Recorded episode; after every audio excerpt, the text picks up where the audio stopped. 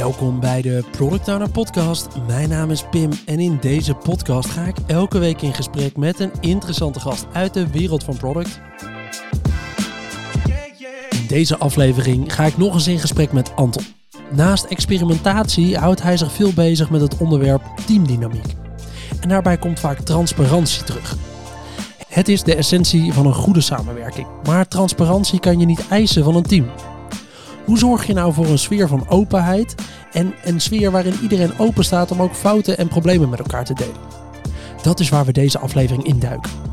Hoewel we het vaak zien als een Scrum Master taak, is het ook essentieel om hier als PO een goed begrip van te hebben.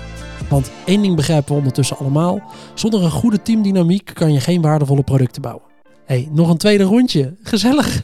Ja, top. Uh, fijn om hier weer te zijn. Ja, we, we stipten het onderwerp al een beetje aan in, uh, in de eerdere aflevering uh, samen met Denise Visser. waar we het hadden over experimentatie. En toen ging het ook wel over het belang van teamdynamiek en dat dat ook goed zit. Maar nu gaan we daar even wat verder op inzoomen. Waarom is het nou een onderwerp waar ik als PO eigenlijk ook wel veel van zou moeten willen begrijpen? Kijk, als PO ben je natuurlijk bezig met de productiviteit van je team, met het maximaliseren van waarde. En um, in Scrum zeggen we inspect en adapt. En daar heb je transparantie voor nodig. Want anders, ja, waar zit je anders naar te inspecten of zit je anders naar te kijken? Dus dat transparantie is een heel belangrijk ding als je met teams uh, dingen gaat ontwikkelen. En transparantie is helaas ook uh, niet vanzelfsprekend. Het is een heel moeilijk ding om echt geregeld te krijgen in je team. Um, al is het alleen al omdat het grootste deel van de mensen, en al zeker developers, die zijn van nature heel introvert. Ja. En, uh, maar die zijn ook heel gedreven. Dus ze gaan heel snel problemen zelf oplossen vanuit introversie en gedrevenheid en de beste bedoelingen. Terwijl juist als je als team tot de beste prestaties wil komen, is transparantie en openheid eigenlijk veel slimmer om uh, voor elkaar te krijgen omdat je dan uh, problemen in een, in een bredere context, in een breder perspectief uh, samen kan aanpakken. Ja, en als we een beetje kijken naar de theorie, dan zien we dit vaak en die teamdynamiek en het zorgen dat dat goed werkt, altijd een beetje als een Scrum Master taak. Hè? Ja. Zo wordt hij vaak wel bestempeld. Ja, maar als product owner moet je nu echt je oren spitsen. Ja. Omdat je uh, enorm veel invloed hebt uh, met je gedrag, met je woordkeuze op de cultuur en de sfeer in het team. Uh, als, als product owner, iedereen kijkt naar je op. Je neemt vaak de leiding bij inhoudelijke meetings als refinements of sprint reviews. En de woorden die je daar kiest, de manier waarop je mensen bevraagt, heeft enorm veel invloed op de openheid die ze willen tonen op zo'n momenten.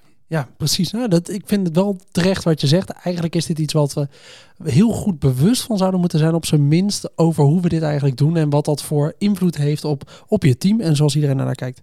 Wat maakt het voor jou nou een interessant onderwerp? Waarom ben jij hier verder in gaan specialiseren en ben je dit gaan uitdiepen en wil je dit zo goed begrijpen? Ik ben uh, altijd bezig uh, met innovatie. Innovatie is de grote rode draad in mijn leven. En dat is ook de reden waarom ik in uh, Agile gedoken ben en in Scrum. Omdat ik zie dat innovatie, dat krijg je tegenwoordig. ja, vroeger had je genieën, weet je wel. Zoals Tesla, die misschien in een zolderkamertje de mooiste motoren bedachten. Maar tegenwoordig is het echt allemaal teamwerk. En, um, en om van de ideeënfase naar de impactfase te komen in de wereld, en heb je gewoon een, goed team nodig. En een, en een team wat ronkt en een team wat verschillende perspectieven naast elkaar durft en kan leggen. En een team wat de situatie echt onder ogen ziet en daar actie onderneemt. En nou, de situatie onder ogen zien, dat is een makkelijk woord voor transparantie. Eigenlijk uh, is transparantie niet alleen uh, zien wat er is, maar ook durven kijken naar wat, wat, hoe de situatie in elkaar uh, steekt. En ja? niet met oogkleppen op of zo, of dingen onder het tapijt uh, vegen. Dus het heeft ook, er zit ook een component van lef aan. Ja, en waarom is het nou makkelijker eigenlijk om te kiezen voor de route van weinig transparantie in plaats van de route van veel transparantie? Kijk, weinig transparantie is veilig. Want eh, dan kan je gewoon eh, problemen onder het tapijt vegen. Dan kan je dingen doen zoals je opgedragen is. Dus dan kan je dingen onder het tapijt vegen. Dingen doen zoals je altijd al gedaan hebt. Dat is lekker makkelijk. Hoef je ook niet na te denken. Ja. Eh, maar goed, het heeft wel een groot nadeel. Is als er dan een probleem is of de lat gaat wat hoger liggen. Dan moet je ook in één keer veel harder aan de bak.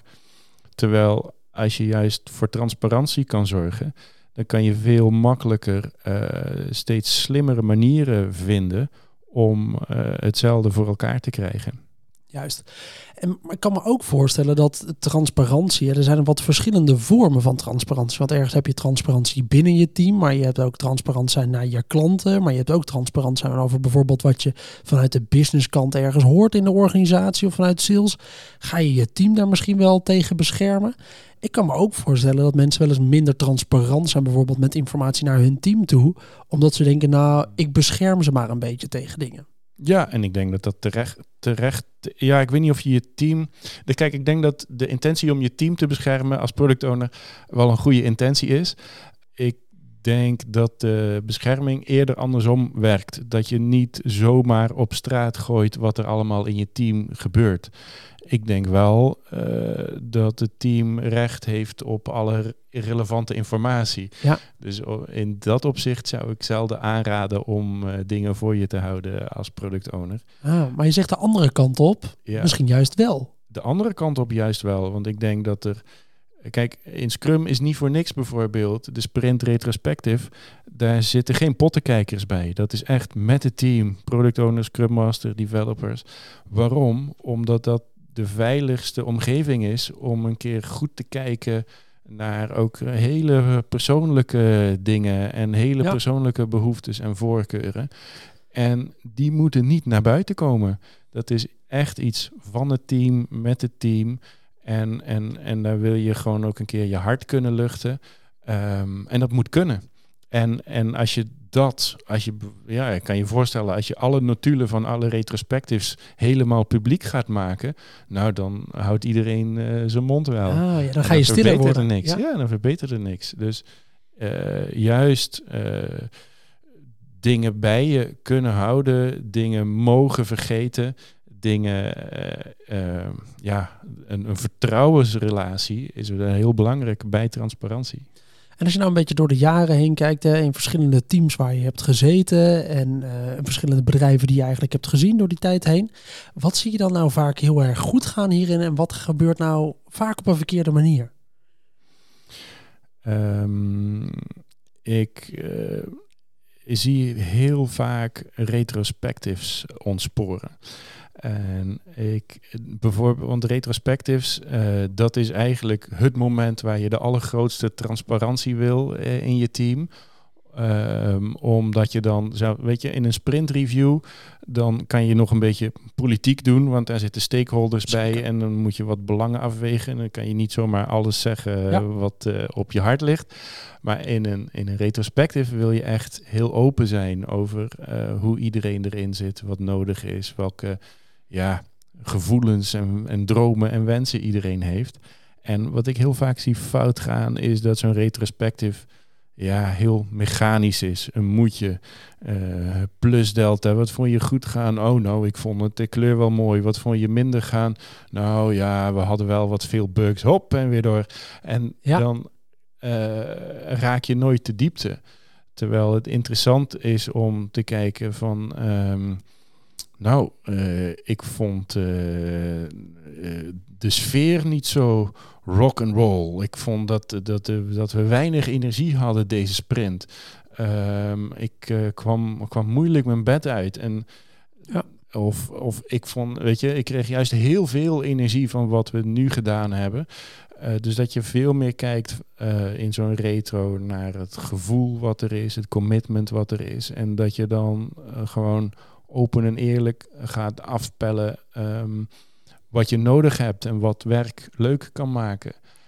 En uh, nou ja, dat, dat komt niet vanzelf. Nee.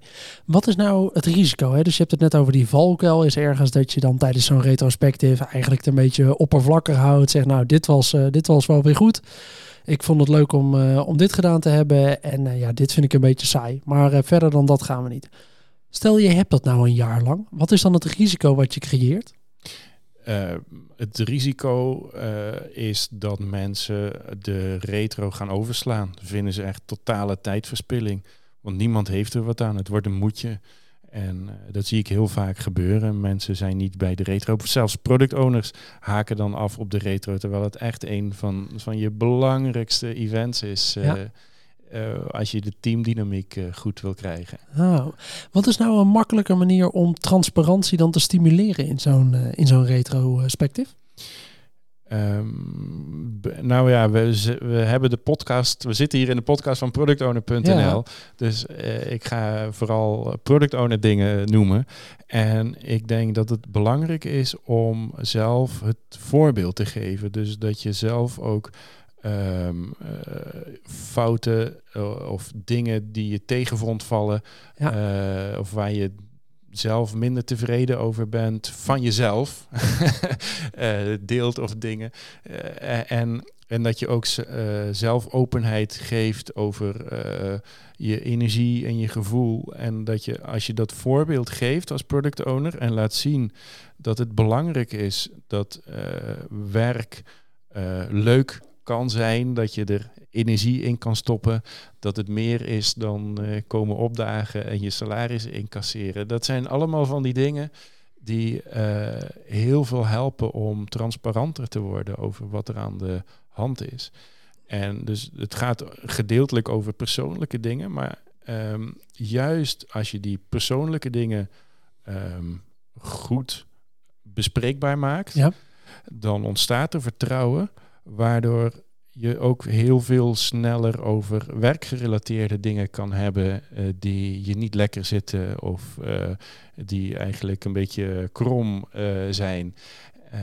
want in heel veel Scrum teams zitten gewoon hele slimme, hoog opgeleide mensen.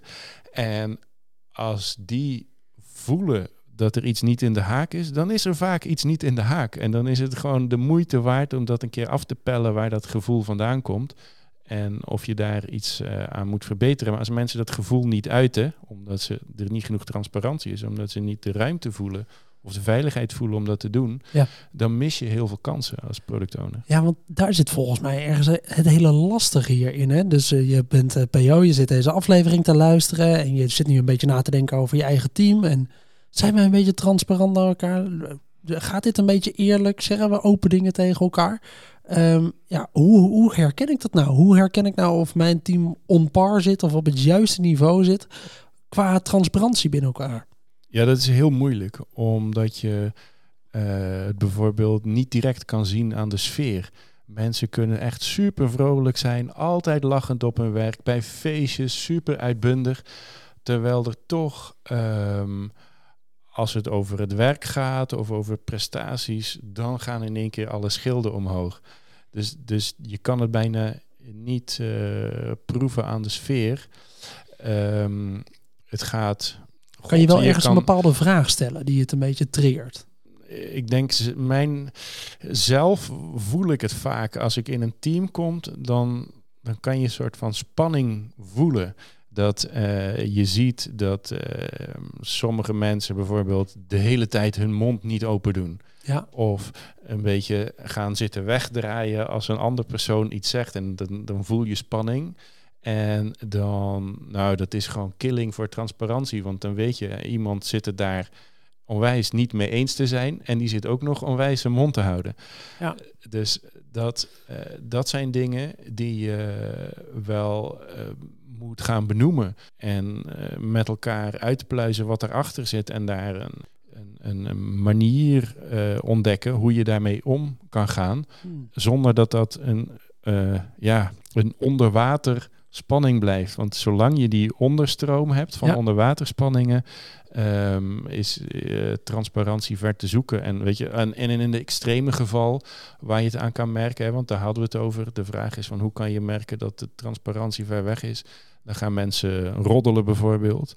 En dan krijg je bij het koffiezetapparaat uh, onderling uh, wordt dan de, de product owner zwart gemaakt of uh, andersom.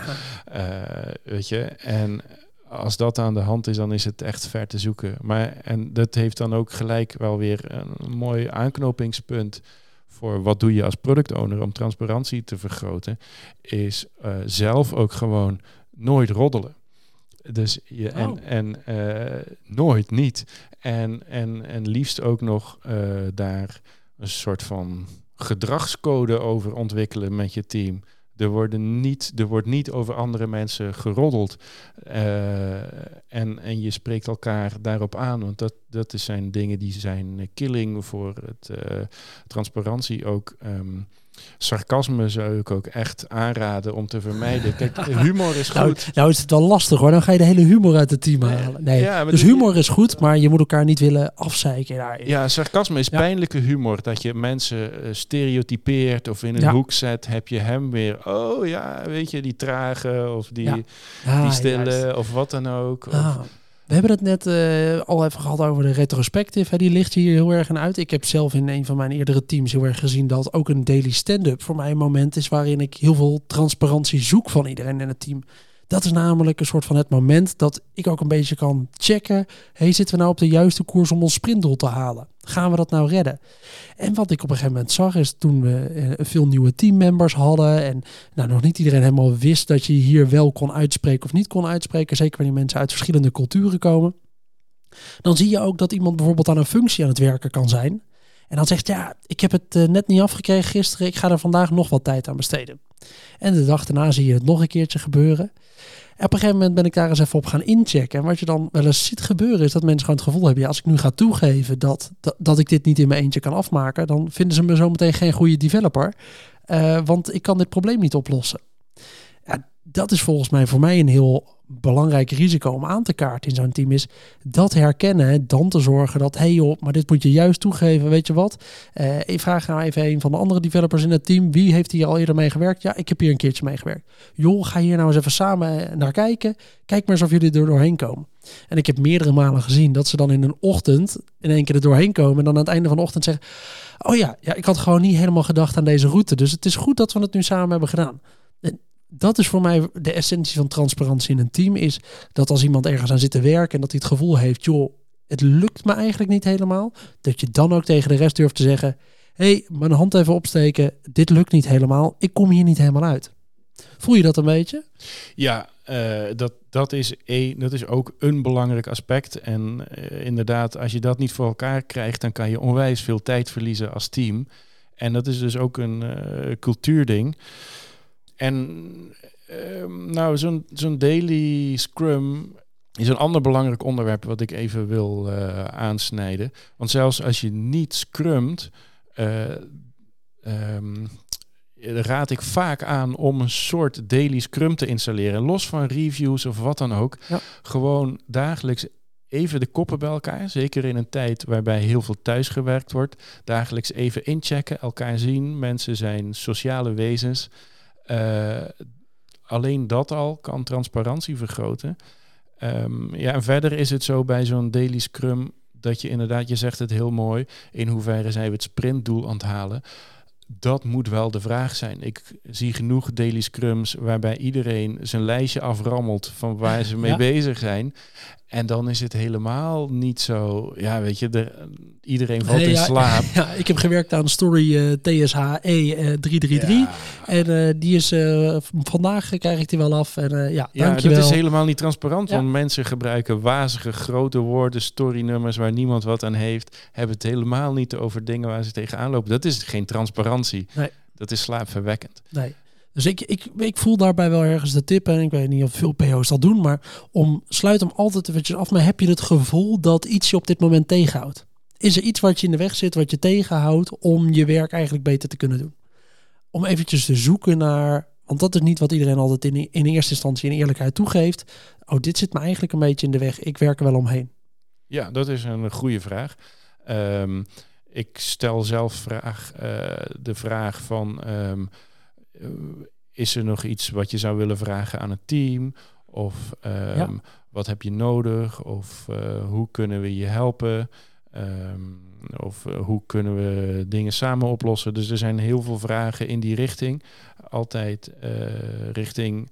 Kijk, het, gezamenlijke doelstelling aanpakken. Ja. Dus daar gaat teamwerk over. Als je een gezamenlijke doelstelling hebt en daar ga je voor, dan heb je een team. Er zijn genoeg mensen die zitten bij elkaar en dan is het meer een soort werkgroep en iedereen rammelt zijn lijstje af. Ja, dan heeft het ook in eigen silo's. heel veel zin. Hey, Anton, je zei net uh, thuiswerken. En ik denk dat in het kader van transparantie en een soort van teamdynamiek, dat thuiswerken daar veel invloed op heeft gehad. Sommige mensen vinden het ideaal, sommige mensen proberen het te combineren, maar het heeft op zijn minst impact op hoe we met elkaar omgaan en hoe we met elkaar praten. Want als ik op kantoor ben met een team, dan zie je vaak tussendoor eventjes wat praatjes ontstaan. Ik spring even bij iemand achter de laptop. Oh, hoe ben je dat eigenlijk aan het oplossen? hey, hoe gaat het trouwens met je verhuizing? Eh, maar als we online zitten, ja, dan checken we s ochtends even een kwartiertje met elkaar in. Maar die stand-up duurt een kwartier en daarna gaan we er ook echt uit. En de rest van de dag check ik niet meer met mensen in. Wat heeft thuiswerken nou voor invloed op die transparantie? Ehm, ja, dat, uh, dat is een groot uh, probleem. Omdat je, ehm, als je elkaar niet ziet, dan, ga je, dan wordt het ingewikkelder uh, dan ga je van alles bedenken wat mensen wel niet uh, gaan doen, misschien als je ze niet ziet. En dan gaat je, ik heb dan in elk geval heel veel fantasie, die gaat dan een beetje zijn vrije loop. Ik kan me voorstellen dat er meer mensen zo zijn. Um, en iets anders uh, is als je op een kantoor zit waar iedereen hard aan de slag is, dat zet een soort sfeer neer. die, waardoor je geconcentreerder kan zijn, of ik in elk geval dan als je thuis zit uh, met, met al je hobby's om je heen. Oh. En wat dan helpt, is dat je bijvoorbeeld um, een videostream openzet of een call, maar dat je niet per se gaat praten met elkaar. Maar dan ben je wel aan hetzelfde bezig of je deelt een scherm. Of uh, kijk, je kan uh, wat vaker korter inchecken, want een daily scrum is met het hele team. Maar soms kan je met z'n tweeën of z'n drieën net even een subding oppakken. Of um, je stemt je koffiepauzes af. In elk geval, dat sociale, um, dat kan je best wel inregelen. Ook al zit je thuis. En um, hoe meer contact je maakt, zelfs non-verbaal. Uh, alleen al het feit dat er een open lijn is, dat leidt dan weer tot vertrouwen, waardoor je sneller iets deelt. Uh, weet je, je verlaagt de drempel om even een vraag te stellen of een opmerking te doen. Waardoor dus dingen alweer wat uh, transparanter worden. Ja. Het gaat allemaal om drempelverlaging eigenlijk. Juist. Ja, ik hoor je wel zeggen, en ik denk niet dat ik het daarmee eens ben, is inderdaad dat je thuis minder hard zou werken dan op kantoor. Want ik heb ook vaak genoeg het gevoel dat als ik juist op kantoor ben, dat ik met alleen maar sociale zaken bezig ben en heel veel minder gedaan krijg. Terwijl ik thuis heel makkelijk even muziek in doe en gewoon iets afgerammen en het weer even gedaan krijg. Dus ik weet niet of ik daarmee eens ben. Maar het andere punt voel ik wel heel erg. En dat is dat je zegt, je hebt als je moet ergens faciliteren als team. En of dat je dat nou als PO doet, of dat de developers dat doen, of je Scrum Master of je Agile coach. En je moet faciliteren dat als je thuis werkt, dat die conversatie plaats kan vinden. En ik heb het gevoel dat je dat altijd als PO best wel kan beïnvloeden door ook jou, door zelf een beetje transparant te zijn en zelf wat te delen over hoe het gaat. Dus daar een vraag over te stellen aan iemand in je Slack-channel of misschien zo'n verbinding en daar zelf ook even wat in te delen. Want hoe opener en kwetsbaarder jij je opstelt, hoe makkelijker andere mensen het ook ergens gaan doen. Ja, en dat is een hele goede eh, die je aangeeft. En ik denk dat je dat uh, bijvoorbeeld heel goed kan doen door af en toe eens één op één in te checken met mensen. En dan niet per se met een agenda, maar gewoon even contact maken. Net zoals je bij een koffiezetapparaat zou doen. Uh, dat kan uh, heel goed werken. Ik uh, denk dat het wel belangrijk is om uh, uit te kijken dat je mensen dan ook niet uit hun flow haalt. En dat je goed afstemt over wat dan goede momenten zijn om dat te doen. Zo, ja, zo hangt alles samen. Ja. Uiteindelijk valt het volgens mij allemaal een beetje op een veilige werkomgeving creëren. Dat hangt eigenlijk allemaal, dat is een soort van het centrale punt. Want als je veilig voelt, dan durf je transparant te zijn.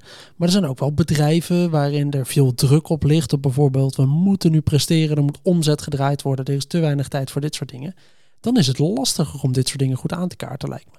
Is er ook een manier waarop je dit in zo min mogelijk tijd toch goed kan faciliteren voor je team? Als die druk er hoog op ligt. Ja, ik denk dat het meer is dan uh, vertrouwen en veiligheid. Het gaat er ook over dat je um, speelruimte hebt. Dat vind ik moeilijk. Kijk, als je als je mensen, uh, je kan mensen onwijs veel stress geven door ze heel veel taken te geven en dan moet je dat allemaal afronden, dan heb je druk. Terwijl het juist op het moment dat je zegt van ja, we, moeten, we hebben bepaalde omzetdoelstellingen, prima. En om die omzetdoelstellingen te halen willen we misschien uh, zoveel bereik of zoveel conversie of wat dan ook. Maar dat je met elkaar zoekt van hoe kunnen we daar echt een, uh, een game van maken? Hoe kunnen we daar een scorebord van maken? Hoe kunnen we samen zorgen dat dat tussendoelen en tussenstapjes zijn? Um, ik denk dat dat ook wel een belangrijk aspect is van uh, transparantie. Kijk, als ik bijvoorbeeld. Um, en ondertussen zijn mijn kinderen al wat ouder, maar vroeger toen we gingen wandelen in de bergen, dan uh, gaan we het hebben over, uh, weet je, niet uh, we gaan vandaag 16 kilometer wandelen, begin er maar aan. Maar we gaan het steeds hebben. We kijken steeds naar tussendoelen. En we kijken hoe, hoeveel kilometer hebben we nu gelopen. Wat hebben we al bereikt. En wat is het volgende ding waar we naartoe gaan. En, en, en zullen we linksom of zullen we rechtsom? Dus je geeft wat autonomie. Je houdt die voortgang in de gaten. Je houdt wat ruimte om te spelen. Je bedenkt met elkaar hoe je uh, maximaal tempo kan maken. Uh, en dat is een heel andere sfeer die je creëert dan heel opdrachtgericht werken. Dus voor die transparantie is mijn mening ook vaak dat scorebord nodig, waardoor je echt meer het, uh, het uh, gezelschapsspel, nou niet iedereen houdt van gezelschapsspellen, maar weet je, het teamsportgevoel krijgt. Als je gaat voetballen, ja. ja weet je, je, je weet gewoon wat de stand is en, en je gaat gewoon met je team uh, je team, je gaat samen ja, met je, team proberen als je die achter staat. Ja? Als je achter staat, maar ook als je voor staat, wil je natuurlijk nog verder voor staan. Want ja. het is gaaf, want het, is, want het kan. Hoe ziet dat eruit bij, uh, hoe heb je dat gezien bij een team dat dit heel succesvol werkte? Hoe zag dat er dan uit? Nou, ik zag um, uh, bijvoorbeeld een team van helpdesk medewerkers die um, in het begin heel erg individueel georganiseerd waren met individuele targets van um, hoe goed ze mensen hielpen, hoeveel, uh, wat de klanttevredenheid was.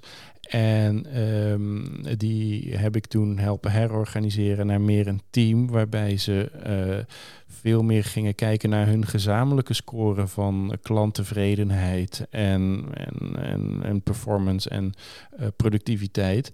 En wat je dan ziet is dat zo'n team zich gaat organiseren omheen die score. Dat sommige mensen zich het leuk vinden om zich vast te bijten in moeilijke klanten of kl klanten van een bepaald soort. Weet je wat, geef die maar naar mij, die vind ik leuk om af te handelen. Of uh, mensen gaan elkaar helpen, want het gaat niet om je individuele prestaties. En uh, mensen gaan elkaar uitleg geven. Oh, je kan dit beter zo doen, je kan dit beter zo doen. Ik heb hier een slimmigheidje voor, ik heb hier een gebbetje voor. Um, Waardoor dus het een die... soort teamsport wordt met die medewerkers om eigenlijk samen te scoren. Ja, dus, dus zo'n teamsport die, die helpt heel erg voor de transparantie. En, en individuele doelstellingen staan daar haaks op. Ja, het lijkt me overigens wel moeilijk hoor. Ik zit nu te denken hoe ik dit praktisch zou kunnen toepassen op een development team. En wat voor score ik dan zou kunnen pakken waarmee je eigenlijk samen gaat strijden. Het lijkt me lastig om toe te passen. Hoe, hoe kan ik dat doen met mijn development team? Als ik nu een club heb met uh, vijf developers, een UX'er en een uh, uh, data scientist. Hoe ga ik dit toepassen op mijn team? Um, het gaat, ik denk dat je, wat je zegt, eh, slimme eh, sprintdoelen kan maken. Meestal is het afhankelijk van je product. Ja. Um, dus um, elk product heeft een ander doel, maar je kan een, um, je kan een app maken waar je wil, uh, die, die vaak opgestart wordt of uh, lang gebruikt wordt of wat dan ook. Of uh, weet je wel, veel social media apps die gaan om, om kijkseconden, kijkminuten. En dan ga je uh, met het team kijken, weet je, we gaan dit onderdeel van de app developen en optimaliseren. Ja. En we denken dat we um, aan het eind van de sprint uh, um, de kijkminuten zoveel verhoogd hebben. Ja. Uh, maar dat houdt wel in dat je inderdaad snel kan releasen, dat je een, een DevOps-achtige situatie ja. hebt en of snel kan experimenteren en weten wat de impact is van de dingen die je doet. En daarmee zeg je eigenlijk dat als je dat doet, dan zorgt dat dat je je team helpt om eh, samen een doel te hebben. Ja. Dat zorgt voor een onder, onderling betere teamdynamiek. En dat zorgt uiteindelijk weer voor meer transparantie in je team. Juist, ja. Want dan ga je inderdaad samen je schouders eronder zetten. En dan ga je samen die puzzel proberen te leggen. En dat is een heel andere sfeer dan als je opdrachten krijgt. Dus eh, het is belangrijk bij het stellen van sprintdoelen dat je altijd kijkt van kunnen we outcome-achtige doelen, impact-achtige doelen stellen. Ja. Ehm, klanten vinden dit van wat we gemaakt hebben. Klanten reageren zo op de dingen die we gerealiseerd hebben. Ja. En dat helpt ook gewoon eh, om slimmer te gaan werken in plaats van harder. Omdat je dan met elkaar ook prioriteitsdiscussies kan hebben. Omdat je dan ook de expertise van iedereen eh, gebruikt die in het team zit. Check. Ik voel hem wel. Ik heb weer wat meer uitleg gehad over transparantie in je team. Het belang daarvan, hoe dat samenhangt met teamdynamiek. Ook wel hoe je dat kan supporten in je team. Ik zou maar eventjes willen afsluiten om dat kopje teamdynamiek even af te ronden voor die PO. Want we zien het heel vaak niet als ons werk. We zeggen nou, dat mag een teamlead ergens doen. Of dat mag een, eh, hun manager, hun, eh, hun- de persoon waar ze aan verantwoorden mag dat doen. Of de scrum master of de agile coach. Het is niet echt ons beroep. Anton, kun je voor mij nog even samenvatten? Wat zou ik nou als PO voortaan even anders moeten gaan doen op dit onderwerp? Ja, ik ben het daar overigens helemaal niet mee eens. Ik denk dat het juist de rol is van de PO om die eh, dynamiek goed te hebben. Ja. Want omdat je, daar heb je echt gruwelijk veel invloed op. Zeker. Meer nog eh, zelfs dan eh, de Scrum Master. Eh, je bent echt ja. de voorman en je bent onwijs bepalend voor, of voor vrouw. Dat is nou, de voorpersoon. Ja.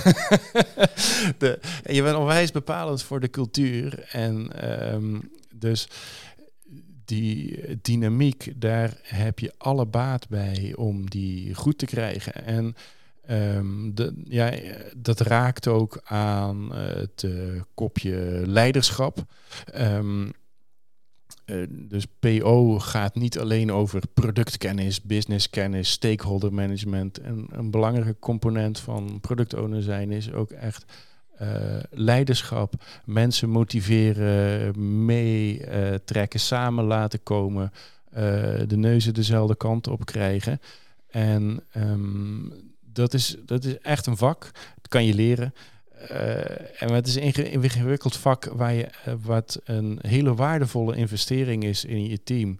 En ehm, je kan er gewoon niet van uitgaan ehm, dat mensen, dat developers, ehm, ja, machientjes of robotjes zijn die je opdrachten geeft. Of bijna, weet je, ik heb PO's meegemaakt die eh, mensen als AI's bijna gingen beschouwen. Terwijl het juist vaak eh, allemaal mensen zijn van, van vlees en bloed, met Ja. angsten, met hoop, met dromen, met wensen. En eh, ik zou eigenlijk alle PO's aanraden om te investeren in het achterhalen van die dingen, dromen, wensen, angsten, Ja. verlangens.